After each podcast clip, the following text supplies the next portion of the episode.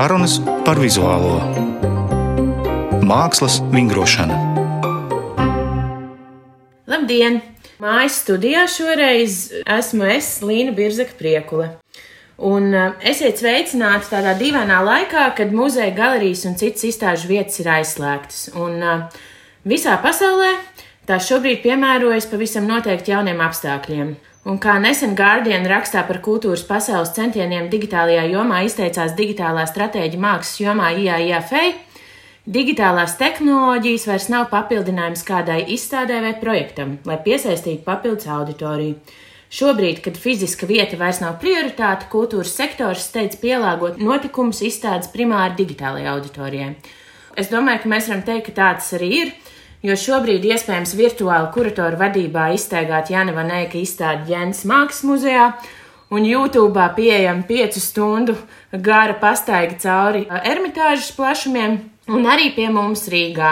Dekoratīvi lietšās mākslas muzejā Skuja Breidena izstādes samsāra objekti iedzīvināt 3D realitātē, padarīt pieejamu arhīvu un biblioteku materiāli, Un es domāju, ka šie jaunie apstākļi izstāžu veidotājiem liek domāt par alternatīviem pieejamības formātiem, atstājot arī atvērtu jautājumu, kādēļ tikai tagad un cik ļoti muzeja ir gatava pielāgoties jaunajai dzīvei, radot vienlaicīgi arī oriģinālu un izzinošu saturu.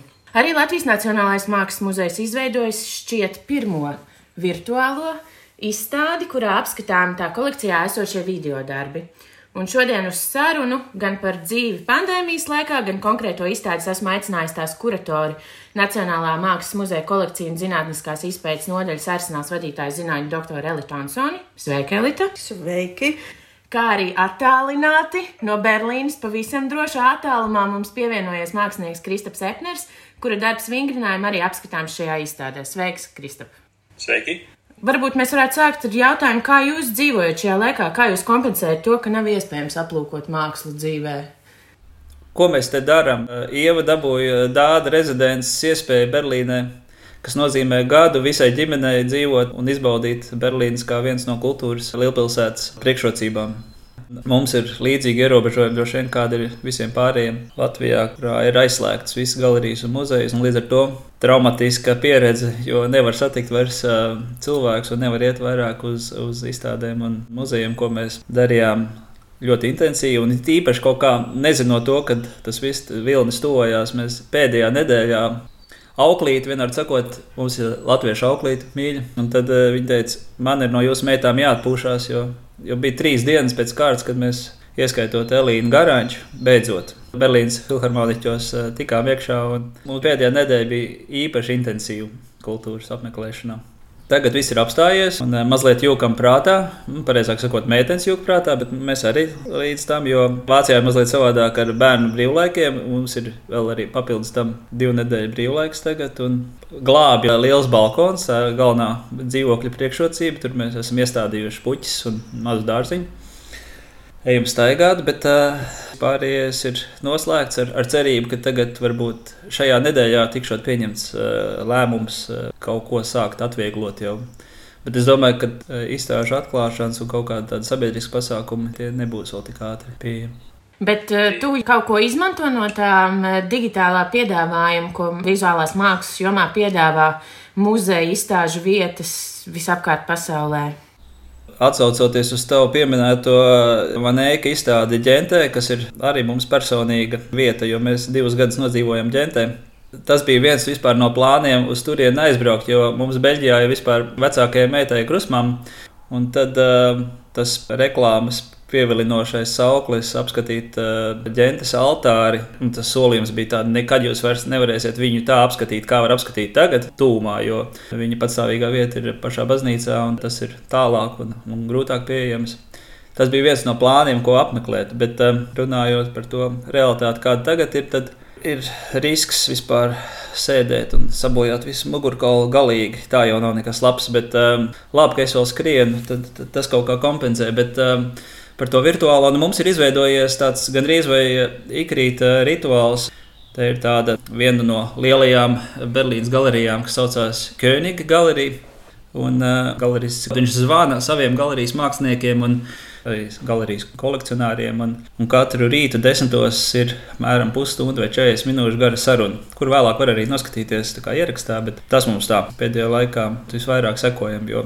Šis jaunais dzīvesveids, viņš, viņš kaut kāda priekšrocība vismaz šajā kontekstā ir, kad ir tāda saruna ar mākslinieku. Lielākoties tas notiek tajās mākslinieku darbnīcās. Un, Un tā ir tāda liela galerija, bagātā galerija, un tie mākslinieki jau ir tādi jau pasaules slaveni, kuriem ir parasti lielākoties viņiem visiem ir bariņš ar asistentiem apkārt, kas viņiem palīdz uh, veidot skulptūras vai citus darbus. Un, un uh, viņi sēž tagad vieni paši tajās savās uh, mazajās fabrikās. Un tās frāzes ir jautras. Viņi tur, pieņemsim, viens saka, jā, es tagad jūtos tā kā beidzas akadēmija, kad es vispār sāku savu karjeru es tagad pievēršos zīmēšanai, atkal atpakaļ. Ja. Izejas punktā atrodas. Bet ko es gribēju teikt par to vispār, par to formātu un par to sarunu, ka normālos apstākļos jau īstenībā tādu sarunu nenotiktu, ja, jo katrs tur strādā savā fabrikā radošajiem. Un, un ir tās atklāšanas, kurā ir daudz cilvēku, un tad jau tie ir tādi smoltoki, ja pa virsmu un, un ātri, un, un tu varbūt vispār arī nepiekļūsi tam cilvēkam tā klāt. Un, un šī ir jauns tāds formāts, kurā tu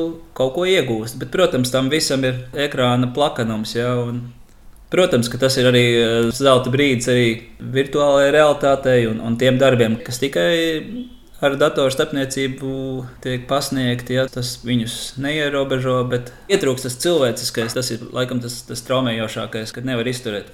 Es pats sev pieķēru pie domas, ka es šajā laikā patērēju nu, daudz vairāk. Nevis vizuāli sakārtotas bildītes, vai izstādes, vai tūris, bet drīzāk, piemēram, es nesen noklausījos visus Deivids Virnera um, veidotos galerijas mājaslapā podkāstus, kas arī ir dialogi starp mākslinieku, kurators, mākslinieku, galerijas ļoti līdzīgs formāts, uh, kā tu stāstīji. Bet, Elita, vai tu kaut ko patērē no šīm digitālajām jaunajām iespējām?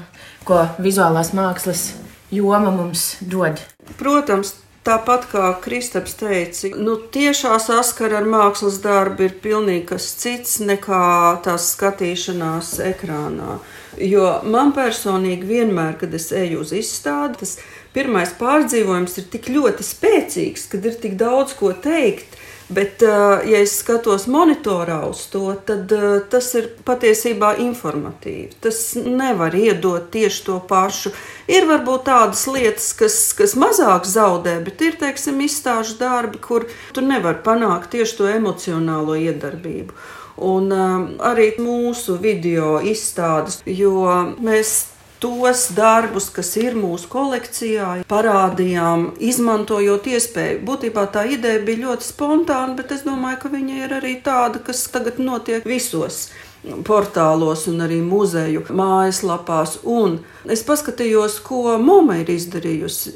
Viņiem ir ļoti interesanta amatieru kino kolekcija, filmas, kuras uh, tur no 20. gadiem, no 20. gadu beigām, jau 30. gadi, jaunākais bija 84. Un tur ir um, deviņas tādas uh, amatieru kino filmu izlase ir, ir parādīta. Viņi tā kā tematiski ir sastruktūrējuši, un teiksim, līdz tādai kolekcionēšanai mēs pat uh, nu, šobrīd vispār nedomājam, jo mums jau tā video māksla mūsu kolekcijā ir kā visas kopējās kolekcijas daļa, nevis kā atsevišķs mēdījis nu, par to mēs nevaram šobrīd vispār runāt muzejā, ja, jo es domāju, ka nu, arī tuvāko gadu laikā diez vai ka mēs video kolekcionēsim kā tieši video mākslas kolekciju. Mēs to kā vienu no mēdījiem, visu citu mēdīju vidū esam uzlūkojuši. Bet ir jākonstatē, ka šobrīd tas ir viens no spēcīgākajiem mēdījiem. Jo man ir tāda sajūta, ka nu, tāds pilnīgi tāds pilnbriets ir sasniegts Latvijas video mākslā. Jo ir nedaudz, bet uh, tie, kas strādā, piemēram, Kristaps, Katrīna, Ratnieks, viņi arī ir mūsu kolekcijā. Nu, ne, nu, tādi ļoti, ļoti tēlaini, tas viens tēls ārkārtīgi spēcīgi var izstāstīt to stāstu, to vēstījumu, un varbūt vairāk aiziet uz tādu kino jomu. Nu, jā, bet par to saturu patērēšanu digitālā formātā es esmu skatījusies daudz vairāk, ko citi muzeji dara, nekā varbūt es ikdienā to daru. Jo, lai tieši salīdzinātu, jā, kas tiek darīts, un, un, un, protams, ka mēs arī vēlamies pateikt, cilvēkiem, hei, mēs neguļam, mēs te vēl joprojām esam, mums viss kaut kas ir, neaizmirstiet par mums, jā, mēs negribam to kontaktu pazaudēt, jo, nu, es domāju, ka ik viens cīnās par savu skatītāju, burtiski, kā arī normālos apstākļos tas ir tā arī tagad. Bet eh, nu, tas varbūt nav tik pilnvērtīgi, kā tas ir normālos apstākļos. Bet, jā, loģiski šis formāts pakļaujas iespējams vislabāk šiem apstākļiem, šai digitālajai vidē, kurā mēs visi šobrīd dzīvojam. Bet uh, vienlaikus tu pati intervijā kādā teici, ka tik un tā tos video būtu nepieciešams apskatīt tajā reālajā izstāžu telpā, ka tur tā sajūta ir eh, pilnīgi pavisam citādāka. Kāpēc izvēlējies tieši to video formātu, ne piemēram fotografiju vai kādu citu? Mēdīju, jā, un ko varbūt iegūst vai zaudē šāds izstādes formāts uh, digitālā vidē? Man liekas, tas uh, datormonitors ir pateicīgs kustīgajam mēdījam un arī ilgstamībai. Ja, ka cilvēks kurš bieži vien ir ļoti nepacietīgs, jo tomēr varbūt mājās ieslodzīts, viņam nav kur aizmukt un aiziet. Tas ir viens apsvērums. Tad tāda ļoti neliela mums ir tā video darbu grupa, un viņu var gandrīz veselu parādīt. Un līdz ar to dot iespēju gandrīz vai izvērtēt, ah, nu kas tad mums ir vispār no video mākslas. Arī pašiem, starp citu, tieši šādi paskatīties, jo mēs patiesībā pērkot šos video darbus, neesam kā par atsevišķu mēdīju domājuši. Mēs vienmēr esam domājuši par atsevišķu mākslas darbu, kurš ir viens no jebkura žanra, ja, no jebkura mēdīja. Man likās, jā, ka tieši šis būtu ļoti labs piedāvājums šim laikam. Tieši tā, mm. ko teiks Kristaps? Jā, Kristap, kādas tev domas aplūkojot konkrēto video kolekciju, kas ir uh, apskatām muzeja mājaslapā? Protams, ir darbi, kuri ir skatām vairāk kā kino. Patiesībā arī kinoteātrī, ja filma ir iespaidīgāka, jo kā skaņa ap tevi aptek. Ja? Bet, ko es runāju par vizuālo mākslu, vairāk, ja, kad, kad ir darbi, kuri vairāk ir kino veidīgi, tad, tad ir ekrāns un, un ir telpa un, un tu skaties plakni, bet, bet ir, ir video darbi, kur ir sastāvdaļa telpai vai citiem objektiem. Dažiem darbiem man tā ir. Un, tas zaudē, protams, jā, tā ir tikai viena šķautne tam darbam.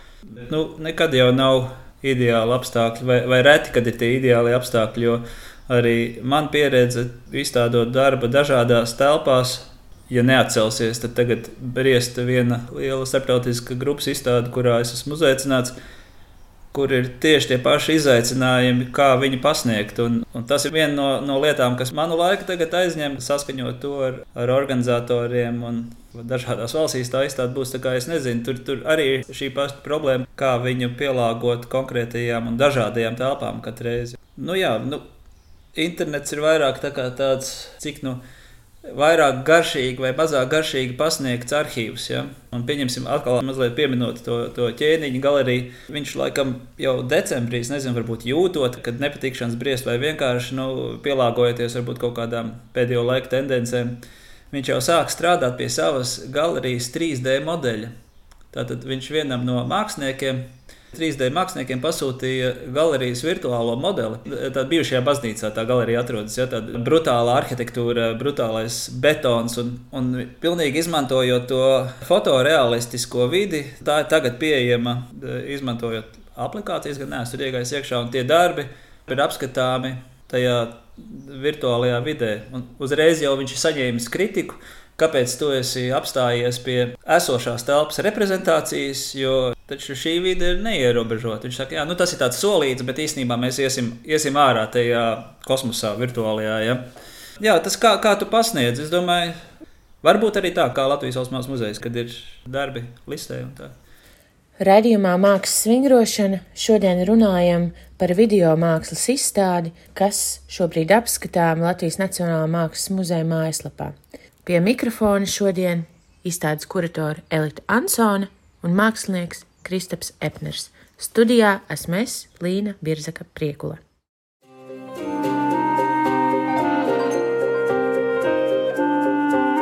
Mākslas vingrošana. Jā, starp citu, arī tieši lasīju Līga Lindenbaum Creative Museum bija aprakstījusi arī šīs dažādās digitālās stratēģijas, ko Latvijas muzeji uh, šobrīd uh, prezentē. Un uh, kā viena no tādām kritikām, kas bija vērsta, principā uzsakot šo video izstādi, bija par to, ka nu, tā nav tā kā saucama par izstādi, jo tā nav apskatāma nu, tajā reālajā vidē, respektīvi telpā. Šeit arī noteikti jāpiemina, ka Tallinn Art Hall tika tikko arī publicēju mm. savu uh, digitālo mākslas uh, halli ar vairākām izstādēm, kuras uh, var tajā apskatīt virtuāli, izstaigāt pilnīgi. Un... Neapšaubāmi, ka reālā izstāde ir pavisam cits piedzīvojums, absolūti cits piedzīvojums. Un, nu, ļoti daudziem darbiem ir šie video darbi, tikai, kuriem ir absolūti nepieciešams mm -hmm. konteksts, visu pārējo darbu konteksts, mm -hmm. piemēram, Miķelim Fischeram. Tās ir tikai tādas tā kā etīdes viņa ciklam netaisnība, teiksim, valodas stunda vai viņa iešana pa oglēm. Ja tur neredz to kontekstu, cik tā pasaule ir absurda un nežēlīga, ko viņš parāda, ja, tad var izraisīt skatītājiem, kurš nezina to izstādes kontekstu, nu, pilnīgi mulsumu. Tāpēc, nu, protams, tur ir tās mazās mm -hmm. anotācijas, kuras paskaidro, no kādas izstādes nāk mm -hmm. šis video, vai, piemēram, Kristapa izstādē Noasā. Tad, kad es uh, nogāju lejā tajā pagrabstāvā un uh, skatījos, uh, kad ir tie vingrošanas paklāji izlikti Un tad, kad Zintars Zilgāvis man teica, nu, pataust, pataust tos paklājus, un es ieraugu apčāmdu, un es tā ar, ar joni gribēju viņam pieskārties, ka tas ir nevis uh, īsts paklājs, bet tās ir skulptūras, kuras ir tik cietas, ja? nu, cik sāpīgi es tā kā fiziski dabūju sadauzīt savus pirkstus, lai, lai izjustu, cik tas vingrošanas un trenēšanas un kaut kāds disciplīnas process ir sūrs un sāpīgs un, un neatlaidīgi darba prasošs. Tas viss ir nu, ļoti, ļoti būtiski, ļoti daudziem darbiem. Bet, Kristap, kā tu redzi, kā tavs darbs, vingrinājumi iekļaujas šī video? Eh, darbu kopumā, vai tu izjūti kaut kādā veidā zaudējumu, ka vairs tas nav apskatāms Ir labi. Es, es ieteiktu vairāk viņu e, klausīties uz austiņām, jo tad vienkārši Gada Zaķis un Jānis Šepkevits viņam radīja ļoti jūtīgu mūziku, un, un um, tad varbūt tas skaņas zaudējums nebūs tik liels. Jo arī telpā, it īpaši, ja runā par noās, tad uh, Telpa ir brīnišķīga, bet ļoti izaicinoša. Viņa ir milzīga reverberācija, jo tās ir betona sienas. Un, un tāpēc es arī pirmajā izstādīšanās reizē arī paralēli dzīvajai skaņai telpā piedāvāju arī austiņas, lai, lai klausītos. Bet varbūt, ka Elīte varbūt varēja vispār vienu lietu pielikt klāt uh, izstāžu fotodokumentāciju tiem video darbiem, kas, kas radītu kaut kādu vēl kontekstu. Ja runā par to, kā parādīt tos video darbus, kaut kādas dažas trīs, trīs, četras. Taisnība. Sarmītei un Kristapam kalnam mēs pielikām, jo tas ir baznīcā tiešām kā instalācijas daļa vispār tas altārs radies. Jā, tur ir, tad ir uh, mājas kurševas darbam, bet uh, ne visiem ir šie attēli pielikt klāt. Jā, nu tas būtu arī bijis lielāks sagatavošanas laiks, periods. Nu, jā, tas diezgan spontāni, protams, šī tā kolekcija ir ielikta, jā, kā jau mēs vienmēr gribam gribās operatīvi ja. to visu ātri izdarīt. Bet tas, ko tu saki, ļoti svarīgi par palēlinājumu, man gribētos tā kā ievirzīt sarunu arī, ko mēs varam šajos te video darbos novērot, kaut kādas konkrētas tendences, un, manuprāt, nu, gluži vai pravietiski, es patiesībā varēju ļoti daudzos video darbos novērot tādu sasaukšanos ar laiku, kurā mēs šobrīd uh, dzīvojam, tādu pat, varētu teikt, tādu laika palēlinājumu, paildzinājumu, ritmisku, meditatīvu, ciklisku, lēnu kustību, video, kur tu it kā jau saproti, kuri it kā neved uz nekādu kulmināciju, kur bieži vien nav kāds konkrēts stāsts apakšā, bet kas ļauj kā kaut kā pazust un iegrimt. Un tas parādās daudzos no darbiem, kuriem ir ļoti dažāda estētika. Varbūt ir kaut kas tāds, ko Elīte, tu kā kuratori, konkrēts tendences, kuras tu vari novērot arī šajos video darbos. Vispārinot un to kopīgo tendenci, es to redzu, to jau māksla kā lielā mērā garīga disciplīna vispār dara Te ir tāda patērētāja kultūras kritika, vēlēšanās aizbēgt no kapitalistiskās iekārtas, vai nu dabā, vai kaut kādā savā nodarbē. Un, Tagad nu, mēs esam dabūjuši, ko mēs gribējām. Tagad ir nobremzēta šī ekonomika. Cilvēki ir visu to, to riteni apturējuši. Tad ir jājautā, padomā vispār, vispirms, kad tu kaut ko vēlies, ko tu īsti vēlies. Ja? Vai tieši tas ir tas, ko mēs vēlamies. Ja? Izrādās, ka tā ekonomika mums ir tik šausmīgi nepieciešama, jo iestājās krahs, ja, ja mēs apstādinām ražošanu. Mākslinieku tas uh, apzināts vai neapzināts uzdevums un kaut kāda tendence ir bijusi pārstruktūrēt mūsu sabiedrību. Un šī situācija kaut ko jau dara tajā virzienā. Es domāju, ka mēs daudz ko jau varam izdarīt, teiksim, neskrienot viens pie otra ar papīriem, bet vai mēs to atkal gribam neskriet viens pie otra? Tagad mēs jau izjūtam tādu galēju ilgošanos pēc daudziem cilvēkiem. Ja? Tā kā tas viss ir koks ar diviem galiem, ja? bet kaut kas ir jāmaina. Un māksla ar to strādā jau gadiem, vienmēr. Jā. Ja tas palēninājums globālais ilgs, tad būs jādomā par jaunām stratēģijām vispār, kā darīt. Jo mani kino nozares draugi nu, ir lielās nepatikšanās patreiz. Nav iespējams neko filmēt. Nerunājot nekādu mākslas filmu, pat dokumentālo filmu, nevar jau tuvoties cilvēkiem. Tīpaši, ja, ja, ja varoņi ir, ir pieklājīgā vecumā, tad, tad viss ir apstājies. Un arī māksliniekiem nu, ir jādomā, kā vienam pašam visu realizēt. Ja? Tagad atgriežamies pie cilvēku orķestra laikmeta mazliet. Ja? Nenoliedzami šis laiks, tas jau ir tas, kas mums šobrīd ir dots, tas ir tas, kas ir, un mēs nevaram uz to skatīties šobrīd, nu, nedzīvojot tajā līdz ar to. Es vismaz no savas puses noteikti pamanīju tiešām daudzos darbos ļoti lielu sasaisti ar šo laiku, kurā mēs šobrīd dzīvojam. Kristap, vai tu vari kaut kā saistīt savu darbu ar to, par ko mēs tagad runājam, Relija? Nu, ja runā tieši par eh, vingrinājumiem, tad pirmā lieta, kas man uzrunāja un, un radīja interesi, bija telpa kā tāds templis. Un uzreiz tam sekoja, protams, to cilvēku, kas praktizē šādu dzīvesveidu, nu, tas viņa mūku status, jā, kas, kas ļoti atbilst eh, šai pašizolācijai, jā, vai, vai šim īpašajam stāvoklim, kādā mēs atrodamies. Jo, ja to dara ar tādu attieksmi, kā to dara lielākoties šie vingrotāji. Tas ir katru dienu daudz stundas pavadīt vienā pieputējušā templī un izkopt kaut kādas uh, absolūtas uh, kustības, kuras varbūt vissvarīgākās ir viņiem pašiem, ne plašai sabiedrībai. Ja, tie ir tādi savu veidu outsideri. Bet, Izņemot tos māksliniekus, kuri uzstājīgi grib strādāt ar kādu kopā vai grupās, lielākoties jau mēs esam tādi vientuļnieki.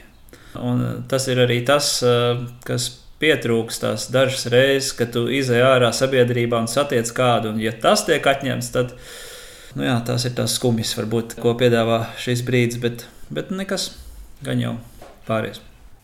Kristof, kāpēc tev vispār video interesē kā formāts, kurā izpausties? Nu, es, protams, uzreiz domāju par tavu tēti, Jānis Epneru un viņa vadīto leģendāro TV un kino režijas kursu, bet eh, kā tev pašam, kādēļ video ir viens no šiem formātiem, kurā tu izpaudies?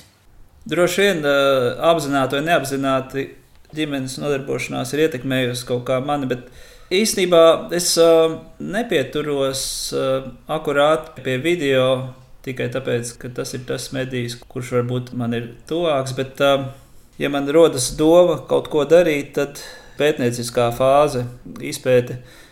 Es pēdējā laikā kombinēju, jā, es kombinēju eh, telpu un attēlu, vai, vai pieņemsim tā mana skrējiena dienas grāmatas sērija, kur arī it kā ir video, bet tas video tur neprādās. Viņš, viņš konvertējās fotografijā un, un grafiskā līnijā. Un tā ir viena no izstādēm, kas uh, ar cerību, ka pārcelās. Viņi bija paredzēti tagad, šonadēļ vai nākamnedēļ atklāt Latvijā, kur man ir uztaisīts uh, izstādes modelis uh, Berlīnas darbnīcā. Tas video šajā gadījumā viņš pārvēršas tādā nu, statiskā fotografijā, dienas grāmatas formā. Jā, es nesāku ar, ar mediju nekad. Es uh, kaut kā sajūtu to materiālu un tad, tad atrodu izpausmes formātus. Nu, mums līdzīgi Elīte varbūt ar to kolekcionēšanu, vai ne? Mēs jau tas, ko mēs runājām pirms tam, apzināti tā veidot video kolekciju, mēs jau primāri skatāmies tomēr uz mākslas darbu un ideju. Tieši tā, jo kaut kā tā mēdīņa nodalīšana muzejos, piemēram, ir tikai izējot no glabāšanas apstākļu nepieciešamības, jo nu, katrs mēdījis prasa atšķirīgu veidu, kā viņu uzglabāt, kā viņu konservēt, restaurēt, un, un tas nosaka ja, to dalīšanu pa kolekcijām, mēdījiem, bet viņus tomēr uh, nopērkot muzejā ir nevis tieši tas ir video darbs, bet kāds viņš ir pats par sevi mākslas darbs. Bet tomēr nav jau arī nemaz um, tā doma slikta paskatīties uz vispār uz uh, video mākslas vēsturi. Latvijā, protams, tas vairāk būtu laikmetīgās mākslas muzeja uzdevums, jo nu, Latvijas Nacionālais mākslas muzejs, uh, protams, joprojām kolekcionē arī to, kas šobrīd top, bet mēs jau gribētu, lai, lai taptu arī tiešām atsevišķi.